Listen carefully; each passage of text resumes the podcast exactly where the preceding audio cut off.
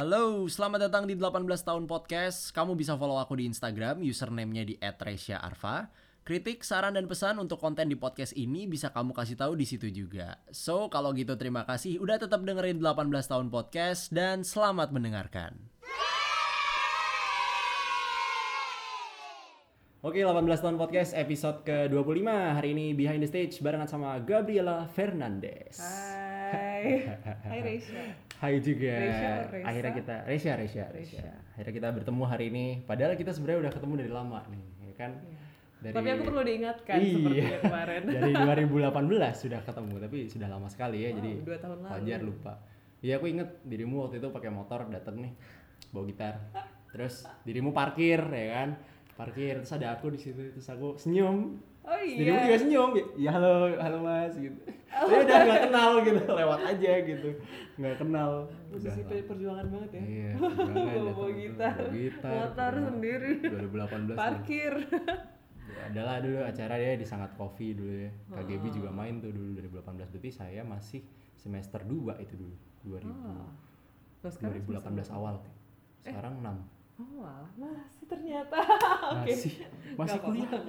Masih angkatan muda kok. Nggak tua-tua banget. Siap dari Syah. Kalau muka emang boros lah ya. Gak ada yang bilang. Gak ada yang bilang. Banyak yang bilang tapi nggak apa-apa lah ya. KGB boleh eh, perkenalan dulu nih. Jadi kayak nama dulu deh, nama, asal dari mana, terus apa tempat tanggal lahir, status perkawinan apa apa semua disebut jawab. perkenalan dulu boleh.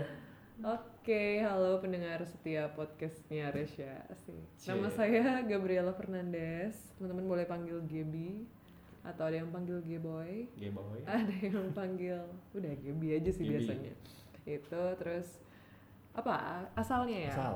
ini pertanyaan yang biasanya nggak bisa aku jawab dengan satu kata Hmm. oke aku akan memulai Gabriela Fernandez aku orang Flores Oke. jadi keluarga besarku semua dari Flores Hmm. mama papa asli dari sana tapi aku lahirnya di Jakarta Oh di Jakarta. Ah, terus aku besar masa kecilku aku habiskan di Kalimantan Oh Kalimantan. di Oke. Samarinda Di Samarinda. Dekat Oh nggak sebenarnya. jauh. Iya. Ah, di Samarinda terus habis itu aku pindah ke Batam dari 2006 rumah sekarang di sana mau papa sekarang tinggal di sana tapi sekarang aku stay dan berkarir prosesnya di Jogja jadi Oke. kalau mau ditanya dari mana aku selalu bingung Bingung ya, Tar Iya. Flores, Jakarta, Samarinda, Batam, Jogja. Oke. Ah, ah, tapi aku selalu menyebut Flores sih karena karena itulah emang darah yang mengalir di dalam ya? tubuhku yes descendants dari ya. keturunan. Oke. itu Tapi di Flores sempat tinggal nggak sih? Nggak pernah ya berarti? ya? nggak pernah Cuman jadi cuman kalau liburan Oh, jadi oke. keluarga besar kan opa Oh, oma sana om ya. tante sepupu sepupu yang rame Iya. banget semua di sana jadi kayak Natal liburan gitu mungkin bisa ya? Kalau duitnya ada karena tiketnya mahal sekali saudara-saudari Iya, ya. Apalagi kemarin kalau misalnya lagi naik-naiknya tiket gitu ya kemarin akhir tahun gitu-gitu kan mau ke sana harus transit nggak sih nggak bisa langsung Sebenarnya kan? sih transitnya tiga kali apa empat Bali ya? kali Ah, empat kali. dari Jogja, Jogja, ke Bali. Surabaya atau Sur- Bali Heeh. terus ke Kupang dulu Kupang. baru ke Larantuka Larantuka. Oke. Itu dari Kupang ke Larantuka pakai speed atau enggak? pesawat Oh, pesawat. Pesawat kecil? yang baling-baling itu Oke, propeller ya. Perjuangan juga ya mau perjuangan Gila, jauh juga. Saya kalau misalnya balik gitu hari raya lebaran sekali doang balik papan Jogja langsung Iya. ya. kan? Iya, bolak-balik ini empat kali transitnya gila. Nah, terus kaget akhirnya di Jogja nih menetap stay. Dan Jogja itu kan ya what people say banyak orang bilang Jogja itu seninya sangat hidup gitu. Kota Iya. yang punya kesenian yang sangat hidup. Mhm. Nah, at least apa ya lingkungannya itu mensupport kita di saat kita ingin ada di apa ya ingin ada di wilayah kesenian atau ingin berkesenian gitu ya. Nah KGB akhirnya mulai duluan itu tuh gambar atau bikin lagu? Atau jadi musisi ini? Mulai duluan yang mana? Pertanyaannya aku belum pernah ditanyain ini loh jadi oh belum pernah. aku mikir dulu ya. Bagus nih berarti pertanyaan ini belum pernah nih guys. Enggak soalnya menurutku nggak tahu ta- baru tadi pagi aku tuh terpikir aku ngelihat ada orang a- ada sutradara gitu dia Hmm. bilang eh, hari ulang tahun berapa belas tahun berkarya gitu oke terus aku kok mikir ya aku mulainya dari kapan ya gitu kan aku jadi Hmm. mikir gitu terus setelah aku pikir-pikir aku nggak bisa bilang aku mulai dari rilis singleku pertama sih Iya. karena aku udah mulai bikin lagu beberapa tahun sebelumnya hmm. terus kalau gambar juga pun aku ya dari kecil gimana Dari dong kecil. dari kecil gambar ikut lomba gambar dan menurutku ya dalam hal musik atau Hmm. karya pun karya-karyaku kan sebenarnya kayak hasil akumulasi dari diriku Hmm. sepanjang hidupku ya ya kemudian apa yang aku tuangkan di karya itu kemudian nggak bisa dibilang aku mulai nyari inspirasinya dari tahun segini sampai segini gitu karena pada akhirnya apa yang membentuk aku itulah yang aku tuangkan di karya gitu jadi kayak Hmm. Apa Kalau ya ditanya cerita garis startnya di mana garis startnya di mana ya ya nggak tahu ya menurutku kalau ya, dari dulu ya mengalir gitu aja ya iya, gitu. tapi gitu kalau aja. tapi apa isi, isi, uh, uh, as officialnya professional gitu ya uh, official Oke. as professional itu yang keluar dijawab. materi studio nih berapa yang yang bisa rilis yang bisa dirilis ke Oke, publik kalau gitu yang bisa dirilis itu si cangkir kopi itu kan pertama nih Hmm. itu yang bener-bener publisher gitu loh yang Hmm. bener-bener masuk Spotify dan Iya. lain-lain tapi kayak sepeda tua itu sebenarnya udah aku publish ke publik lewat SoundCloud, SoundCloud. dan waktu itu aku ikutin lomba apa gitu dari tahun 2013 Uh, lama ya. lama 2013. sebenarnya Saya masih SMP. gitu kalau nggak salah inget ya 2013 sampai 14 gitu Hmm. itu kalau si sepeda tuanya kalau misalnya 15. gambar-gambarnya aku pertama kali jualan waktu itu aku pas kuliah jadi aku waktu kuliah aku mulai bikin orderan-orderan nerima lukis wajah kayak Oh, gitu, Oke. Di semester 3, 4 apa 5 gitu Psikologi ya, psikologi. Ah, ah, Sanata Dharma. psikologi Sanata Dharma Angkatan berapa kaget? aku angkatan 2012 Lu dua- oh jauh.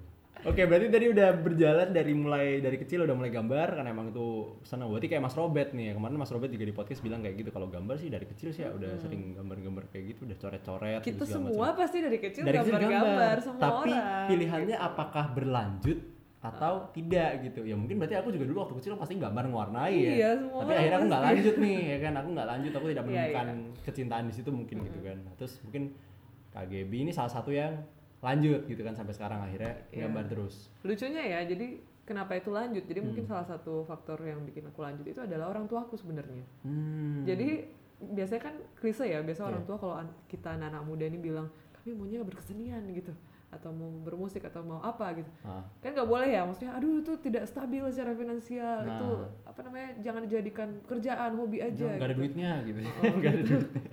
nah lucunya ketika aku bilang kayak gitu ke Hmm. orang tuaku kan mereka juga ini ya biasa lah orang tua kan Ya. pasti maunya yang terbaik untuk anaknya nggak mau anaknya susah gitu Iya. kan nah terus setelah aku pikir-pikir sebenarnya mendorong mereka pertama kali eh mendorong aku pertama kali itu adalah mereka gitu Hmm. jadi dari kecil itu aku sebenarnya diikutkan les les les gambar sering banget ikut-ikut lomba gambar terus apa namanya les nyanyi juga waktu SMP nah aku tuh jadi kayak menganalogikan tindakan orang tua aku tuh seperti ini jadi mereka tuh kayak dorong kereta bayi gitu ya Hmm. dorong kereta bayi Iya. ayo ayo ke arah sini boleh nih cobain deh Oh, ini iya. ada ini ada wadah juga mungkin kamu bisa ikut lomba ini Hmm. wah ini nih boleh ikut les Iya. ini eh tahu-tahu udah gede dorongnya kejauhan Ya. terus jadi tuh kayak mereka dorongnya tuh tiba-tiba kecepatan eh eh eh tunggu tunggu stop stop stop Ya, gitu iya, iya. jangan kejauhan jangan kejauhan jangan jadi seniman udah gitu Oh, aja iya. tapi untungnya setelah dua tahun aku lulus aku lulus di tahun 2017 akhirnya aku bisa meyakinkan mereka mau aku ini jalan yang aku pengenin gitu. Hmm. jadinya akhirnya sekarang mereka malah support gitu. Nggak yang kemudian masih bujuk-bujuk untuk kerja atau Oke. daftar apa atau lamar di Hmm. mana gitu. Itu mungkin akan saya alami ya besok sepertinya sih ya itu karena juga saya langsung iya. menerawang langsung jauh langsung pikiran sumpah ini dari tadi aku dengerin diem tuh kepikiran nih dari tadi saya kemarin emang juga udah omongan kayak gitu gitu. Kamu lulus besok pulang ya balik papan gitu. Coba daftar ini Iya. cobalah BUMN gitu. Weh, bahasa deh kayak gitu BUMN lah. Di Balikpapan ada Telkom ada Pertamina kan. Heeh. cobalah BUMN gitu. Waduh kayak gitu gitu kamu tuh kalau gitu-gitu emang kamu siaran tuh berapa sih dapetnya? Ya udah kayak gitu-gitu udah bahasanya udah yang udah yang bicara duit nih Iya, iya, udah bab iya. duit nih gitu. Kamu gimana nanti kalau misalnya nanti mau langsung pegang ini loh Iya, pegang mikir jari loh. Mikir loh. Langsung pusing loh dia. mikir loh dari tadi. Makanya kayak ya juga ya.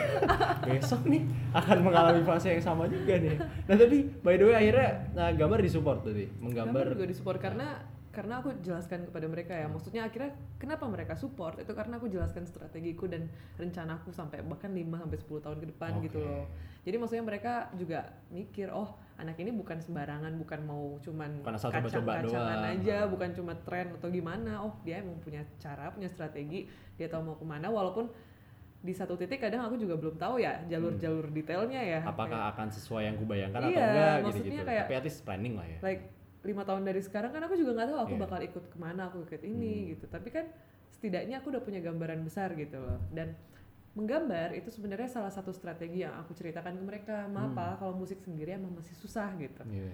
aku harus barengi dengan yang lain aku jualan gambar misalnya bikin merchandise aku terima orderan Hmm. kalau di musiknya juga waktu itu aku masih terima weddingan Iya. reguleran Hmm. segala macamnya jadi nggak yang kemudian terjun terjun bebas tanpa tahu apa pun tanpa pa- tahu apa ya Ya nekat aja plan gitu. ah, bukan tanpa, ada plan B atau tanpa terjun tanpa parasut lah gitu Iya, ya. mungkin Tetap bisa dibilang masih- gitu. Kalau ada parasut masih ada yang ngedelay, kita masih bisa arahin mau ke mana gitu Iya. kan ya. Yang penting masih ada tujuan dan arah lah ya. Nah, kembali ke musik. dia nggak mau Tadi- bahas topik ini Eh, kembali Iya, ke iya, musik ya. oke, Kembali kembali, ke kembali. musik. Oke. Terus tadi kan udah nih studio recording pertama itu di Secair Kopi. Secair Kopi itu yang Iya. ada sepeda tua berarti kan ya? no no no yang ada sepeda tuh gimana gimana ceritanya Yang si- sepeda tua single di dalam itu gak sih? no no Enggak. no eh, no. Secair Kopi itu apa single? no ya that's Single all berarti ya? singles Cuman satu track doang. ya everything is all ya tiga lagu yang aku rilis semuanya single Oke, berarti sepeda belum tua ada single. EP belum ada album sampai Berarti ini nggak nggak EP langsung lompat ke eh, Album. album yang besok Hmm, inilah ya. Nggak nggak usah di spoil di sini ya yang besok nggak ada. apa-apa. Oh nggak apa-apa. Apa namanya? kemarin? kalau mau ditanya boleh Bicara dewasa ya. Iya. Oke, jadi eh, Gabriela Fernandez itu sekarang sedang mengerjakan album pertamanya, album full pertamanya. Yeay. Judulnya Bicara Dewasa. ya judul Nama albumnya bicara dewasa judul albumnya Bicara Dewasa itu nanti akan dirilis single juga ya. Ada singlenya. jadi tiga single yang aku udah rilis itu bakal masuk ke dalam album ini Oh, oke. Berarti kita akan menemukan sepeda tua dan secangkir kopi lagi di Bicara Yes. Dewasa. Ya, itu. dalam alur cerita yang mungkin full story-nya sih karena kayak gini Hmm. tiga tiga lagu yang udah aku rilis itu kayak masih satu dua part dari a whole puzzle yang Hmm. sedang aku susun gitu Iya. karena kalau misalnya teman-teman pernah dengar semesta Leah juga Hmm. ini ya sebenarnya lagi aku bikin arahku itu sebenarnya apa ya ketika aku nyanyi dan main musik gitu aku kayak merasa banyak hal yang aku nggak bisa sampaikan hanya dengan lagunya misalnya Iya. kayak yang tadi Resya sempat Hmm. nyebutin ya jadi kayak aku juga aku juga suka nulis aku suka gambar aku suka eksplor banyak hal gitu jadi Hmm. kayak bahkan belakangan ini misalnya aku coba main-main ke dunia teater dikit Hmm. main-main ke dunia kemarin kenalan sama anak-anak pantomim itu Oh iya. terus ketemu sama banyak teman-teman penulis gitu. Jadi kayak uh, I feel like there are so many ways to portray a message to send a message. Jadi kayak aku pengen cari satu wadah yang bisa menggabungkan itu gitu. Jadi kayak eh apa ya aku susah jelasinnya sih. Kayak aku pengen Pengen sedikit berbelok. Jadi bukan Oke. cuman musik-musikan band-bandan yang ya udah musik gini nih. musik main Ah, di tapi stage lebih ke gitu. seni pertunjukan Oh, yang itu oke. nanti akan ada tulisan ada album bukunya Hmm. ada banyak deh pokoknya ceritanya Intinya akan lah. ke performance art lah ya. bisa dibilang begitu gitu. walaupun Jadi- tetap batang utamanya adalah si jalan utamanya adalah si musiknya Musik. jadi Tapi- orang pertama kali mengenalku mungkin dari musiknya Musik. gitu Tapi nanti akan juga ditonjolinnya lebih ke berarti ke pertunjukan visualnya mungkin ya. Visualnya dan lain-lain gitu. Jadi nggak cuma pure cuma music output aja gitu. Nah. Oke oke oke. Berarti nanti bicara dewasa ini adalah satu album yang juga tracknya itu saling berkaitan. Yap, Punya betul alur sekali, ya. betul sekali Menarik ini ya. Ya tadi malam saya siaran juga saya putar sih. Emang kemarin juga aku agak spoil dikit sih. Bentar lagi emang uh, Gabriela Fernandez akan rilis album. Cuman aku muternya cuma sepeda tua. Aku pegangnya cuma yang sepeda tua di itu di radio. Jadi Mm-mm. itulah tadi malam ada program indie gitu jam 7 sampai jam 9 jadi putarlah itu. asik Yoi. nanti ditunggu lagu-lagu barunya baru bisa masukin ya Ah, ah, sip. Uh, ditunggu kapan nih kira-kira? Februari, Maret. rencana Maret Oke, Maret. ini baru selesai take semua masih panjang perjalanan Hmm, masih dan panjang. prosesnya Ya, pokoknya ditunggu lah bulan Maret nanti Gabriela Fernandez akan rilis itu tadi bicara dewasa dan akankah ada showcase-nya? ada showcase-nya Ada showcase-nya. Jadi kalau misalnya kamu yang pengen support, datang dong. iya dan beli albumnya ya Beli albumnya, beli beli rilisan fisiknya Iya. ya. Ntar dicetak juga berarti ya, CD. Oke, CD. Merchandise juga, kaos atau apa? ada ada ada Ada, oke disiapkan. Berarti masih, Masih panjang, ini perjalanan ya. Banyak ini akan muter-muter vendor nih. Nyetak Udah, kamu udah muter-muter Udah, udah muter-muter. Oke, udah mulai mau nyablon ya. Nah, ini musik tadi berarti udah sampai ke bicara dewasa. Sekarang nih kita gabungin dua-duanya nih. Hmm.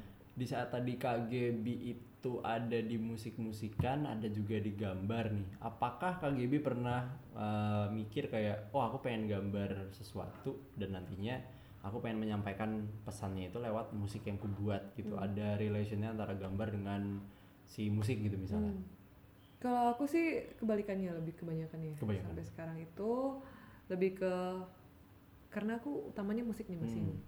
Maksudnya apa ya? Jalur utama yang aku pilih adalah musik. Musik. Jadi ketika gambar itu juga aku jalankan, aku selalu ingin gambarku tuh juga bisa mendukung musiknya.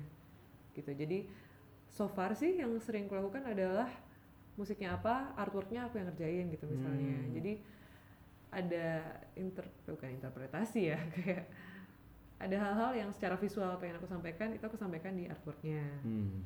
gitu kalau nanti misalnya albumnya udah jadi nih dan ada bukunya nanti ilustrasi bukunya juga bisa dipadukan di situ gitu jadi sebenarnya ini salah satu album ini sebenarnya salah satu cara aku menggab- menggabungkan banyak bidang yang aku senengin Oke. musiknya lukisnya psikologinya masuk juga dunia Hmm. tulisnya juga masuk gitu Iya. Berarti akhirnya eh, penggabungan dari hal-hal yang eh, dirimu udah pernah dapatkan, Mm-mm. akhirnya kamu masukin di musik dulu, dari musik baru kamu utamanya tetap musik jatuhin ke artwork tadi ya, berarti lebih ke artwork. Tapi emang enak ya kalau bisa jadi musisi bisa gambar gitu, artwork bikin sendiri, jadi udah nggak usah bayar orang lagi, udah nggak usah. sebentar, sebentar. Itu Oh, bisa sebentar. jadi Bisa jadi keuntungan, bisa jadi kelemahan. Nah, eh, keuntungannya kekuatan apa? dan kelemahan. Ke- ke- kekuatannya pasti udah bisa bikin sendiri, ya. Sendiri nih. Kelemahannya Eh, terus misalnya apa yang kita mau kita bayangkan di kepala nih kan sesuai, kita sesuai ya, apa yang maksudnya eh, no compromise lah Iya. gitu. Compromise ini sama standar diri sendiri Iya. jatuhnya nanti. Kelemahannya adalah you cannot do everything all by yourself. Oke. you need nggak- to learn to delegate. Like, ah, kadang tuh ketika kita udah mulai berjalan jauh gitu ya, ah. dan apa yang ingin kita rangkul itu semakin besar dan semakin banyak nggak mungkin kita jalan sendiri dan itu tuh jadi sebuah kebiasaanku gitu kayak aku belum terbiasa untuk misalnya aku biasanya ngapa-ngapain sendiri ngerjain gambarnya misalnya sendiri aku ngerjain ininya sendiri ini, ini. karena semua kan sesuai sama bayanganku nih Hmm. ketika aku akhirnya di satu titik oh aku harus kerjasama dengan orang lain. Oh aku harus kolaborasi. Oh aku harus kompromi. Itu jadi tantangan sendiri buatku gitu. Karena aku harus jadi jadi harus belajar melepas gitu loh. Hmm. nggak semuanya bisa sesuai dengan keinginanku gitu misalnya. Dan itu tuh perlu proses pendewasaan sih Iya sih ya. Tapi tapi lebih ke yang masih panjang perjalanan masih panjang. Ya, kembali lagi masih panjang perjalanan ya. ya makanya mari kita bicara dewasa Oke, di bulan Maret ya. Di bulan bulan Maret. Ditunggu showcase itu Maret kelemahannya itu sih 2020. jadi kayak hmm, perlu belajar untuk perlu belajar uh, untuk mendelegate lagi lah ya. Iya. Tapi terus akhirnya nih, akhirnya dari tiga single yang kemarin udah keluar, udah rilis, dirimu udah sempet tour kan? Aku ingat dirimu kemarin tour Iya, ke iya, iya. mana aja kemarin aku lupa kotanya. Tapi aku aku dengar kabar Gabriel Fernandez tour gitu. Oke. Aku- Aku lupa kotanya. Oke. Boleh lah di. Boleh boleh eh, ya. Eh, tur nggak tur sih itu sebenarnya karena Rumah Raga Tawa itu dirilis di bulan Mei kayaknya ya. Kalau nggak salah ya. Mei 2019. Iya 2019. Apa Maret gitu. Mei kali ya. Lupa. Gitu deh. Nah, untuk rilisnya itu sebenarnya karena lucu ya. Biasanya kan orang punya album dulu baru tur gitu. Hmm. Tapi aku tuh udah berproses dari tahun 2017 dan aku udah berasa pengen pengen tur gitu. Pengen tur, cari momentumnya kapan. Oh ini pas nih waktu itu emang lagi mau rilis single Rumah Raga Tawa Mm-mm. dan kebetulan aku pengen pulang kampung. Oh, Nah. sekalian sejalan nih. Iya sempet kemarin ya, turnya kan terakhir di Lombok nggak sih? No, Eh, di mana j- eh, iya di Lombok juga Lombok main, juga, tapi tapi, bukan itu bukan itu ya? tujuan utamanya. Oh. Jadi tujuan utamanya adalah rumahku di Larantuka. Oh. Jadi aku kan dari dulu juga pengen banget nih, eh, ini solo backpacking, Oh. traveling ya. Traveling. itu dari dulu belum pernah wujud gitu kayak setiap kali aku pulang kampung selalu naik pesawat dan Hmm. itu kayak berasa banyak hal yang aku lewatin gitu rasanya ya dan Hmm. ternyata itu emang ben- bener kebukti ketika aku udah tur aku menemukan banyak banget hal yang aku nggak nggak tahu ada di sana di NTT di Hmm. kampung halamanku sendiri gitu ketika aku naik pesawat aja langsung nyampe duduk selesai gitu Hmm. jadi akhirnya untuk menggabungkan aku banyak penggabungan ya aku Nah. menggabungkan rilis singleku dengan pulang kampung Ya, kebetulan Dua. juga waktu itu ada sepupuku yang nikah di sana oke. jadi tuh aku jadikanlah tour Nah, malah tour nih. aku jadikan tour judulnya aku bikin menuju timur trip menuju timur karena ini sebuah trip aku pengen jadi jadi backpackingan gitulah Hmm. bukan yang naik pesawat Ya. banget yang oke campur-campur sih akhirnya tetap Campur-campur. ada naik pesawatnya tapi most- ah, pada akhirnya aku berangkat sendiri bawa carrier beratnya 12 kilo Berangkat sendiri, bawa kayaknya 12 kilo. Dan itu darat. ada jalur darat ada campur pesawat ada naik kapalnya Oke, yang pesawat itu berarti dari dari Jawa ke ya perginya perginya Oh, perginya. oke. Ah, perginya itu karena ngejar nikahan sepupuku waktu itu Hmm. gitu kan terus ada jalur daratnya itu dari ujung Flores ke ujung Flores yang satu Hmm. jadi dari Larantuka Larantuka kan ujung tertimur waktu Hmm. itu yang aku turkan baliknya itu kan menuju barat lagi nih Hmm. lewatlah semua kota-kota sampai Labuan Bajo itu jalur darat 18 jam ya pecah-pecah sih jadi Pecah-pecah. kayak tiga jam dulu ya. ke Momere main di sana, terus ke stop. Ruteng dulu ke Bajawa Hmm. terus ke mana oh my god itu kalian harus coba kalau kalian suka traveling kalian harus coba kalau kalian lihat dari maps dari atas itu Iya. ya itu jalurnya bener-bener keriting banget keriting keriting keriting kayak rambutku dan itu kanan tuh tebing dan kiri jurang dan Oke. drivernya ngebut Mantep ya. Jadi kalau kalian yang seneng traveling dengan adrenalin khusus, Yes, nah harus boleh. dicoba. Ke Pulau timur. Flores, sepanjang Pulau Flores. daratan Flores itu. Ah, tuh coba tuh ya. Dan Tuh. cuacanya ya ekstrim. Oke. Jadi dari Larantuka itu kan pesisir ya. Ah. Jadi kayak bener-bener sepanjang jalan tuh ya pantai dan belakang rumah keluargaku tuh juga pantai semua gitu dan bener-bener panas gitu kan. Hmm. Panas ke Momere masih panas, terus ke Ruteng Bajawa itu udah mulai agak-agak dingin. Ke Bajawa itu ya ampun, kita eh, apa namanya niup niup uap aja. Ah. Itu berawan, berawan apa sih? beruap. Beruap. Nah, kita niup jadi beruap. Niup, niup itu beruap dan itu kayak badanku kan kaget ya dalam waktu berapa jam langsung ganti-ganti kayak Itu gitu. dataran tinggi berarti? Dataran tinggi, Oh, pegunungan. Oke. Terus masuk lagi ke Labuan Bajo panas lagi. lagi. Oh my dear God. You have to try. Kalian harus coba. Coba sih ya. Jadi kalian jangan taunya NTT itu cuma Labuan Bajo doang ya. Panjang sampai jauh ke ujung timur sana masih Eh, panjang. Coba tuh ke Larantuka terus lewat jalur darat tuh. Wah, Udah, coba mantap. coba coba bener. Coba tuh. Dan itu tuh akhirnya turnya totalnya 11 kota. 11 kota. Oh, termasuk ya. kota-kota yang di Jawa. Karena kan aku ngelewatin nih, jadi dari Jogja, Semarang, terus ke Surabaya, Malang, itu main semua dan kebetulan apa ya? Tapi ke timur dulu ya, ke timur dulu baru ke menuju- barat. Iya, karena judul tripnya kan menuju timur Ah. sampai di Larantuka titik. Oke, selesai kita pulang lagi. Pulang tuh baru ke Pulangnya lewat kota-kota itu tadi Oh. gitu. Sebenarnya sih aku pengennya lewat Labuan Bajo ini ya. Jadi kayak bener-bener judul menuju timurnya tuh terwujudkan gitu. Hmm. Tapi ya udahlah kompromi itu tadi Iya. banyak hal yang nggak bisa sesuai rencana gitu. Iya. Bisa lah tetap terlaksana gitu. Oke. Itu Berarti- gila sih Edan sih. Masih ingat nggak kota-kota apa aja yang di Jawa apa aja? Yang Jawa itu dari Jogja ke Jogja Semarang, ke Semarang. Surabaya, Malang. Hmm, oke. Terus Empat. uh, terus ke Larantuka, Kupang dan Larantuka. Kupang, Larantuka, Mm-mm. Baru ke Momere, Nomere, Ruteng, Bajawa, uh, Labuan Bajo, Labuan Bajo. terus ke Lombok dan Bali ujungnya. Oh iya, Lombok dan Bali. 11 ya itu. 11. Iya, 12 persis, ding. lupa. 12 sebenarnya. Sama Jogja. Iya, sama oh, Jogja. Jogja 12. nggak dihitung berarti. Oke, 11. 11 ya. Tapi Jogja akhirnya jadi penutup toh setelah selesai trip itu yang terakhir di Jogja enggak? Penutupnya Bali. Penutupnya Bali. Oh, oke oke. Nah, ngomongin tour. Tadi kan berangkat sendiri nih berarti. Berarti tanpa ada manajer, Ya, sendiri. Blas. tanpa ada kru, tanpa, tanpa ada apa pun. Tanpa, tanpa, tanpa. Oke, sendiri. Pure bener-bener satu Sendiri, orang. satu orang. One man Biasa, band gitu ya. iya. Oke, satu orang tour. hilang, heeh. Kemarin sama si Agri dia yang bikinin posternya juga. Hmm. Tim dari sini tuh kan tetap kerja jarak jauh gitu. Kita jauh-jauh. Cuman nggak bisa aku bawa gitu. Nah, Bah- bahkan untuk danaku bolak-balik jal- jalur-jalur darat segala macam itu aku juga tabungan mikir gitu ya. Udah ngambil tabungan juga oh iya itu jelas. gitu ya. Hampir nggak bisa balik aku kemarin. Nggak bisa balik ya. Kayak one way ticket gitu Nah, one way ticket. Dan akhirnya setelah tour itu selesai, eh, waktu main tour itu main berapa lagu? Tiga lagu itu aja? Um, waktu itu aku udah punya beberapa lagu yang aku bakal masukin di album. Oh, emang belum di belum record atau aku record belum tapi aku record dan s- udah sering bawain jadi ya? Jadi like lima laguan gitu Lima setiap laguan. kali aku nampil Oke. Dan itu selalu ada openernya kan dari lokal talentnya juga. Iya, ha-ha. teman-teman di sana pasti ada, nggak cuman single main Iya, sendiri ha-ha. gitu.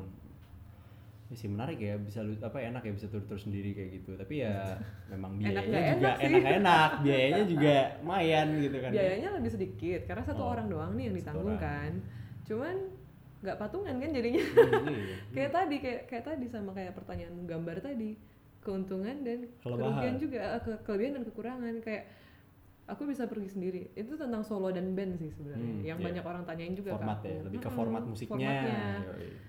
Semua banyak ke- kelebihan dan kekurangannya Hmm. gitu dan setelah eh, kemarin ini tour gitu menurutmu ini nanggung nggak sih? Maksudnya akhirnya kamu tour tapi nggak lama habis itu bicara dewasa lagi. Apakah nggak pengen nih bicara dewasa juga dibikinin tour gitu kan? Akhirnya tour lagi gitu. Kenapa nggak sekalian gitu? Loh kayak Aku harus bersabar sebentar menunggu gitu kan baru tour gitu. Aku nggak sabaran sih orangnya Iya. soalnya menurutmu selalu gimana? oportunis gitu. Jadi Oh, kayak iya. kemarin kemarin tuh momentum yang akhirnya bikin cus berangkat adalah nikahan sepupuku itu misalnya hmm, dan sekalian bisa pulang juga ke rumah iya maksudnya dan seneng nggak seneng nggak sih kayak pulang ke rumah kita juga bawa karya Iya, ini loh kita seneng. pulang kita abis apa berhasil bikin ini gitu Iya, kita bikin ini uh, gitu seneng seneng banget. ya rasanya dan itu tuh ya emang aku orangnya nggak bisa sabaran ya jadi kayak aduh nggak bisa aku nggak nggak sabaran. Padahal aku belum punya album nih ceritanya. Biasanya kan orang tur tur udah punya album Iya, gitu. promosi album biasanya kan kayak Iya, gitu, gitu ya gitu. promosi single promosi album. Hmm, aku tuh beberapa kali dikritik kamu tuh mau tur tapi apa yang kamu materinya bawa apa gitu. gitu, materinya apa gitu. Ya aku pengen tur ya aku pengen tur aku tur gitu. Hmm. kayak misalnya yang kedua kemarin nih kayak trip menuju timur itu udah ada udah ada yang kedua gitu. Iya. itu pun sebenarnya juga karena oportunisku yang Hmm. nggak mau melewatkan sebuah kesempatan gitu Hmm, kayak kemarin oke. akhirnya aku berangkat karena aku ikut rombongan isi Hmm. untuk ngisi di Lembata ya oke jadi akhirnya ada link dari situ juga ya akhirnya bisa bantu Ah, ah. situ ya. jadi aku ngisi aku ngisi ikut di performing artnya mereka tarian kolosal gitu Hmm. tapi kan perjalanan sana tuh dua minggu stay di sana dua minggu Lembata tuh di mana tuh ya Lembata tuh lebih timur lagi dari lebih timur di Larang tuh kak oh Dan itu satu pulau lagi, sendiri. guys satu pulau sendiri yang aduh ini promosi lagi nih tapi kalian harus ke sana Nah, visit Nusa Tenggara Timur 2020 ya ya tahun Oke. depan aku jadi duta NTT deh karena itu apa ya aku yang selama ini besar dan tinggal lahir besar dan tinggal di kota Hmm.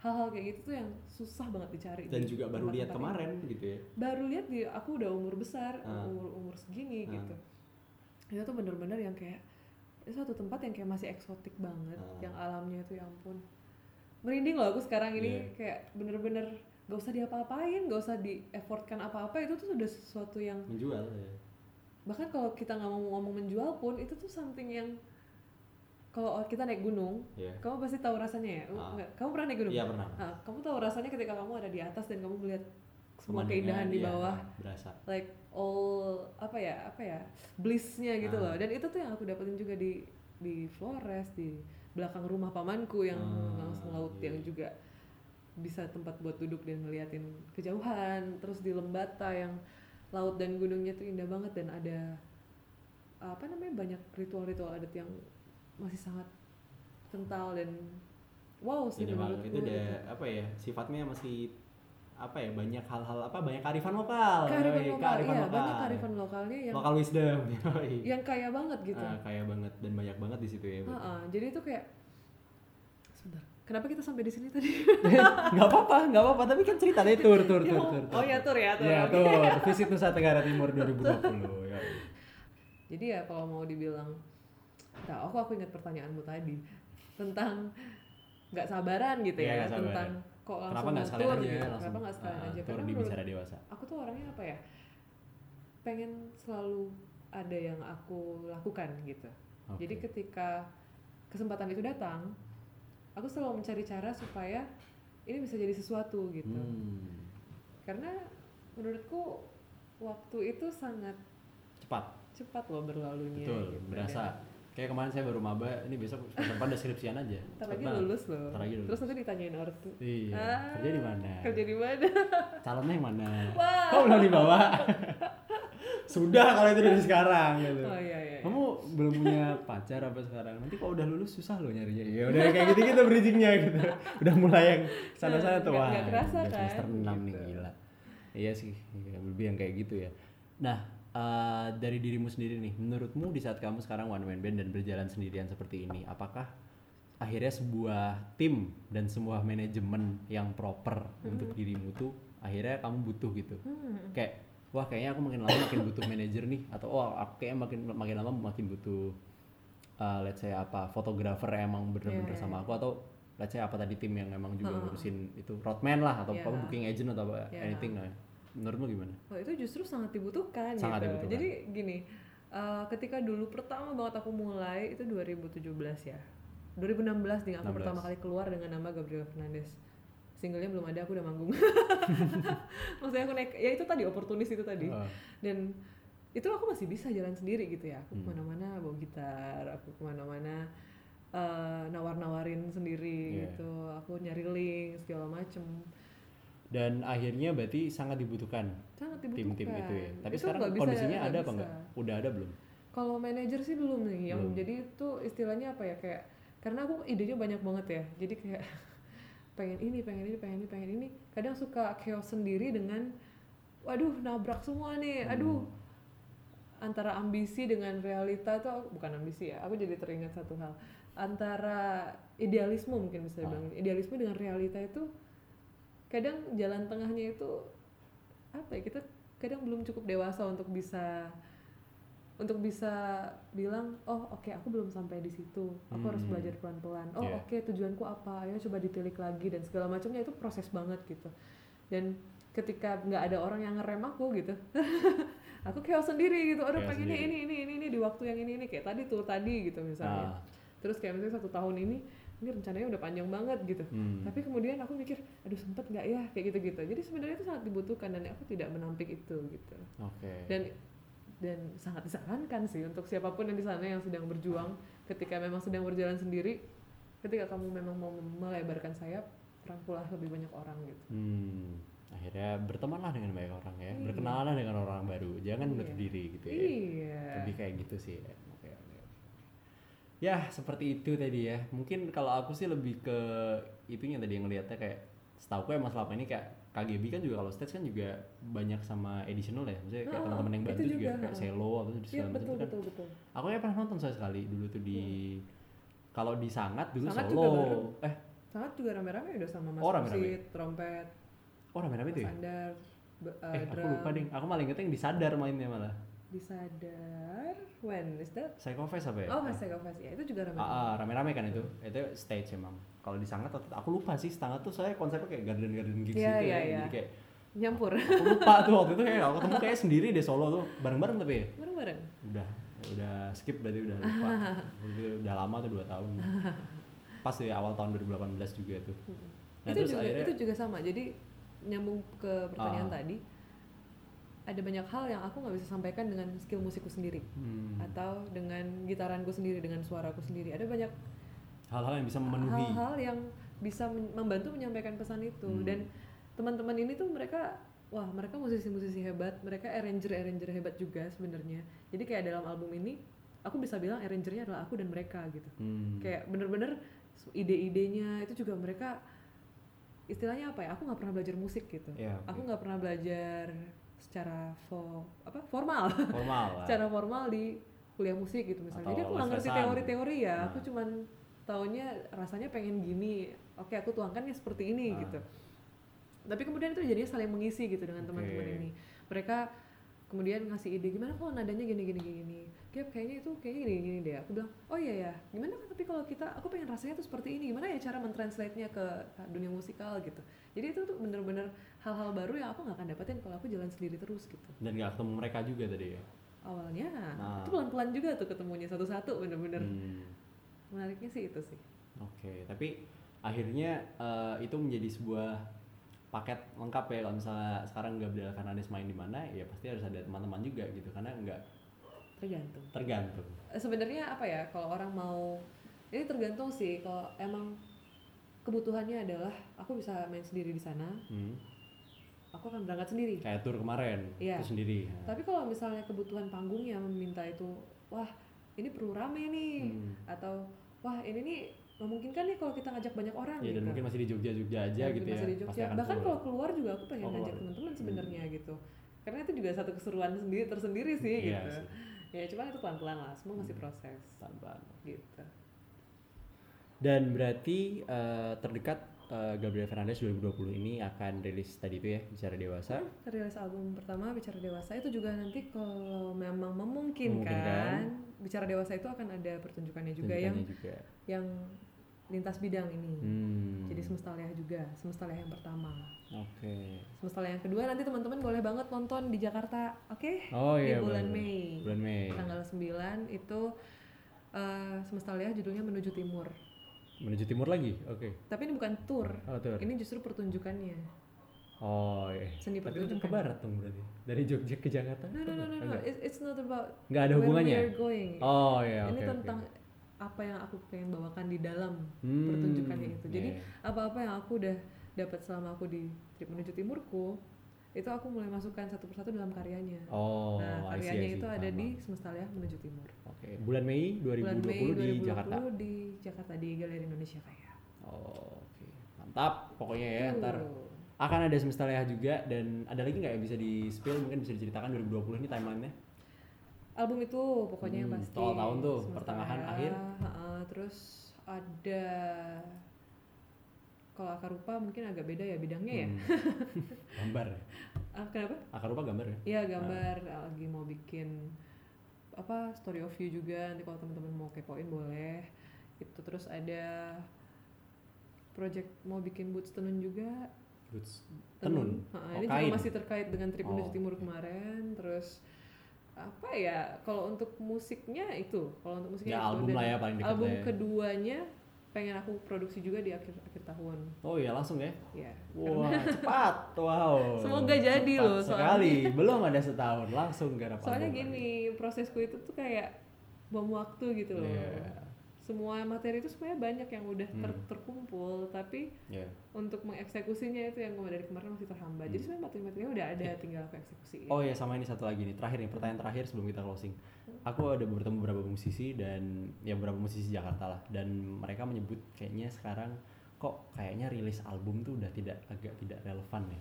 Maksudnya Hmm. kayak kalau ada yang bilang kalau gue sih lebih mending gue lempar single aja terus terusan Mhm. gue lempar single single kayak Iya, orang tuh iya, udah iya. nggak peduli sama konsep album sekarang orang Hmm. dengerin lagu kalau bagus ya bagus Mhm. tapi dengerin bisa satu album nih lo rilis yang dengerin cuma satu dua tiga gitu nggak nggak nggak akan tuh dirilis semuanya dan Mhm. kayak yang beli rilisan fisik zaman sekarang tuh juga orang-orang yang emang juga mencintai band itu Yang aja atau emang lah. apresiatif Iya. kalau enggak ya orang-orang pasti jawabannya lah kok ngapain di CD orang sekarang udah bisa denger di Spotify Iya. sekarang udah bisa denger di YouTube gitu Ha-ha. nah tanggapanmu gimana tanggapanku ya Ah. Itu ada benarnya dan ada tidaknya. Iya oke. Tidaknya. benarnya apa tidaknya? Oh nih? benar benar kalau benarnya ya buktinya aku tiga tahun jalan dengan single tiga biji Hmm, bisa gitu. bisa. Maksudnya orang justru malah lebih nyantol Hmm. karena lagunya keluarnya satu-satu. Iya. Dan fokus untuk mem ini secara strategi jualan Strategi emang emang ha. emang gitu ya. Single, aja maksudnya lempar mulu Heeh, gitu. itu emang menurutku benar gitu. Dan banyak yang bilang ke aku juga seperti itu. Tapi di sisi lain ini tergantung setiap musisinya kebutuhannya apa dan materi apa yang dia pengen sampaikan gitu Hmm. kalau di aku aku merasa ini urgensi banget aku membuat album ini karena satu terlepas dari tentang aku udah punya album atau belumnya ya Hmm. yang kayak kadang jadi standar juga nih Iya, untuk kayak, main di "Eh, yang event-event penting satu dulu aja deh album dulu ntar besoknya lempar lempar single nggak apa-apa tapi penting keluar satu album dulu Heeh, deh. karena sering banget juga event-event juga mintanya eh nanya gitu loh kamu udah punya album belum? Gitu. Hmm. karena kan bayangan mereka kalau aku belum punya album aku nggak akan punya banyak lagu yang bisa aku Iya. bawakan tanpa cover gitu misalnya. Nanyanya bukan udah punya lagu belum tapi udah punya album belum. Iya. Kalau misalnya Ya, mereka album. nanyanya udah punya lagu belum ya aku bisa Udah, banyak gitu iya. kan. Tapi kalau album aduh, nol zero. belum nih, belum nih gitu. Gitu kan. Jadi lagi garap lagi garap ya. Lagi garap ngomongnya gitu lagi ngomongnya garap. dua tahun. Lagi garap. Ngomong lagi garapnya itu dua tahun serius. Gitu. Aduh. Nah, kalau di kebutuhanku ya, karena aku punya konsep lagu-lagu yang saling berkaitan ini. Hmm. Jadi aku nggak bisa mem- memisahkan mereka satu sama lain gitu. oke Jadi emang perlu ada satu rumah untuk mereka. Ya Album emang- tadi itu. Album tadi itu gitu. Jadi karena ini ada konsep apa ya semesta leha itu tadi yang emang pengen menyatukan semuanya. Jadi satu Iya. cerita. Aku pengen menawarkan ini loh ada satu package. Ini bukan satu satu lagu satu lagu satu lagu yang kamu bisa dengerin terpisah gitu Hmm. misalnya. Dan setiap orang kebutuhannya beda-beda sih. Kalau tentang fisik dan digital itu juga menurutku ya semua orang itu dan dunia ini kan terus berubah ya. ya Semua orang tuh pasti dalam masa transisi dari satu zaman ke zaman yang lain gitu. Hmm. Dan aku nggak melihat itu sebagai suatu hal yang gimana gimana gitu jadi kayak eh ya udah memang masanya seperti itu tinggal gimana kita menyikapinya kalau memang dibilang digital dan fisik itu sekarang fisik emang sulit ya udah sekarang caranya gimana biar orang tuh masih mau beli gitu. Dengan mempertimbangkan kebutuhan orang-orang juga. Karena kalau misalnya aku ya eh, aku personal nih aku sebenarnya lebih pengen merilis ini digital. Tapi tetap ada orang-orang yang membutuhkan fisiknya. Hmm. jadi kayak gini misalnya ketika kemarin aku melemparkan ide aku pengen ini digital aja aku pengen nggak mau banyak-banyak bikin cetak CD itu plastik lagi juga. Terus malah nggak banyak orang yang menurutku sih trennya sekarang ini orang tuh beli apresiatif tapi nggak diputar Nggak diputar. jadi kayak numpuk akhirnya dan itu menurutku sayang gitu loh. Hmm. jadi aku sempat kepikiran gimana kalau aku digital aja? gitu. Tapi kemudian ada orang-orang yang tetap bilang aku pengen mau beli fisiknya gitu misalnya. Hmm.